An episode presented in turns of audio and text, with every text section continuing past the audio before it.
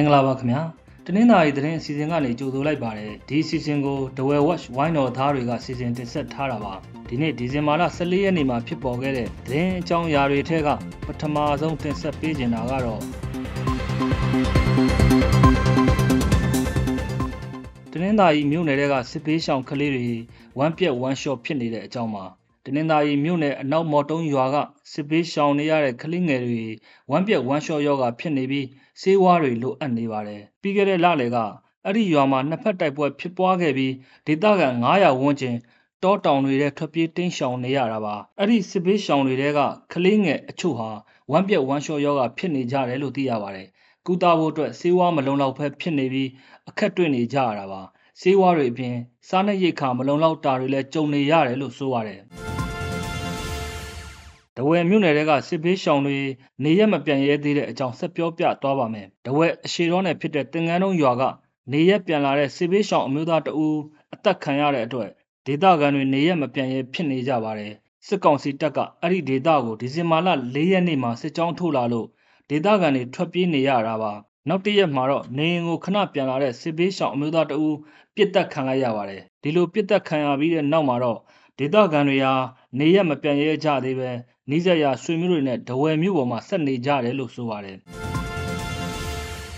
ရန်ကုန်မော်လမြိုင်လမ်းပိုင်းမှာယထာစီမိုင်းဆွဲခံရလို့ယထာကြီးစဉ်အားလုံးဖျက်သိမ်းလိုက်တဲ့အကြောင်းဆက်ပြောပြသွားပါမယ်။ကုန်တင်ယထာဟာတင်စိမ့်နဲ့ဒုံဝန်းဘူတာကြားမှာမင်းညကမိုင်းဆွဲခံရလို့ ယထာခီးစဉ်တွေဖျက်သိမ်းလိုက်တာပါ။မိုင်းဆွဲခံရလို့ယထာလန်ပျက်စီးသွားပြီးအမြန်ဆုံးပြန်ပြင်းနေတယ်လို့မြမမီယထာကဒီကနေ့ထုတ်ပြန်ထားပါတယ်။မီယထာမထွက်နိုင်တဲ့အတွက်လက်မှတ်ဖိုးငွေတွေလည်းပြန်အမ်းနေပါတယ်။ပြီးခဲ့တဲ့ဇူလိုင်လကလည်းမော်လမြိုင်ရန်ကုန်အစုံရထားမိုင်းဆွဲတိုက်ခိုက်ခံရပါသေးတယ်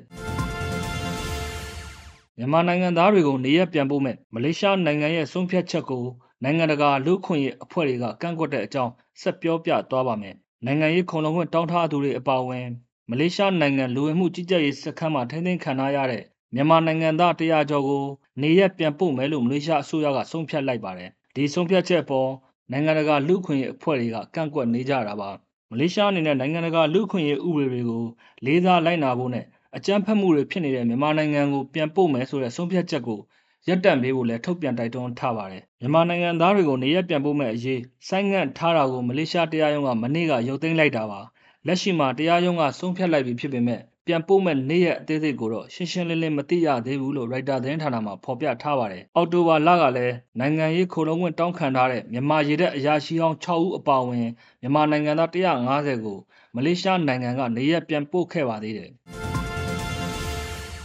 မဲဆောက်မြောက်ရီအမှတ်၁တရားပြန်ဖွင့်တော့မလား။နှစ်နှစ်ကျော်ကြာပိတ်ထားတဲ့မဲဆောက်မြောက်ရီအမှတ်၁ချစ်ကြည်တရားကိုဒီကနေ့မှထိုင်းအာဏာပိုင်တွေကတန်ရှင်းရေးလုပ်နေတာတွေ့ရပါတယ်။ လာမယ့်ဒီဇင်ဘာလ22ရက်နေ့မှာရာနှုန်းပြည့်တန်ရှင်းလုပ်ဖို့လည်းစီစဉ်ထားတယ်လို့သတင်းရရှိပါတယ်။ထိုင်းဘက်ကတရားဖွင့်ဖို့အစဉ်သင့်ဖြစ်နေပြီဖြစ်ပေမဲ့လည်းမြန်မာနိုင်ငံဘက်ကလက်မခံပါကတရားဖွင့်ဖို့မဖြစ်နိုင်ဘူးလို့လည်းကုန်တယ်တွေကဆိုပါတယ်။ကုန်တယ်တွေကတော့နှစ်တကူကာလကိုစောင့်ကြည့်နေပြီးလာမယ့်နှစ်စမ်းပိုင်းမှာပြန်ဖွင့်ဖို့မျှော်လင့်ထားကြပါတယ်။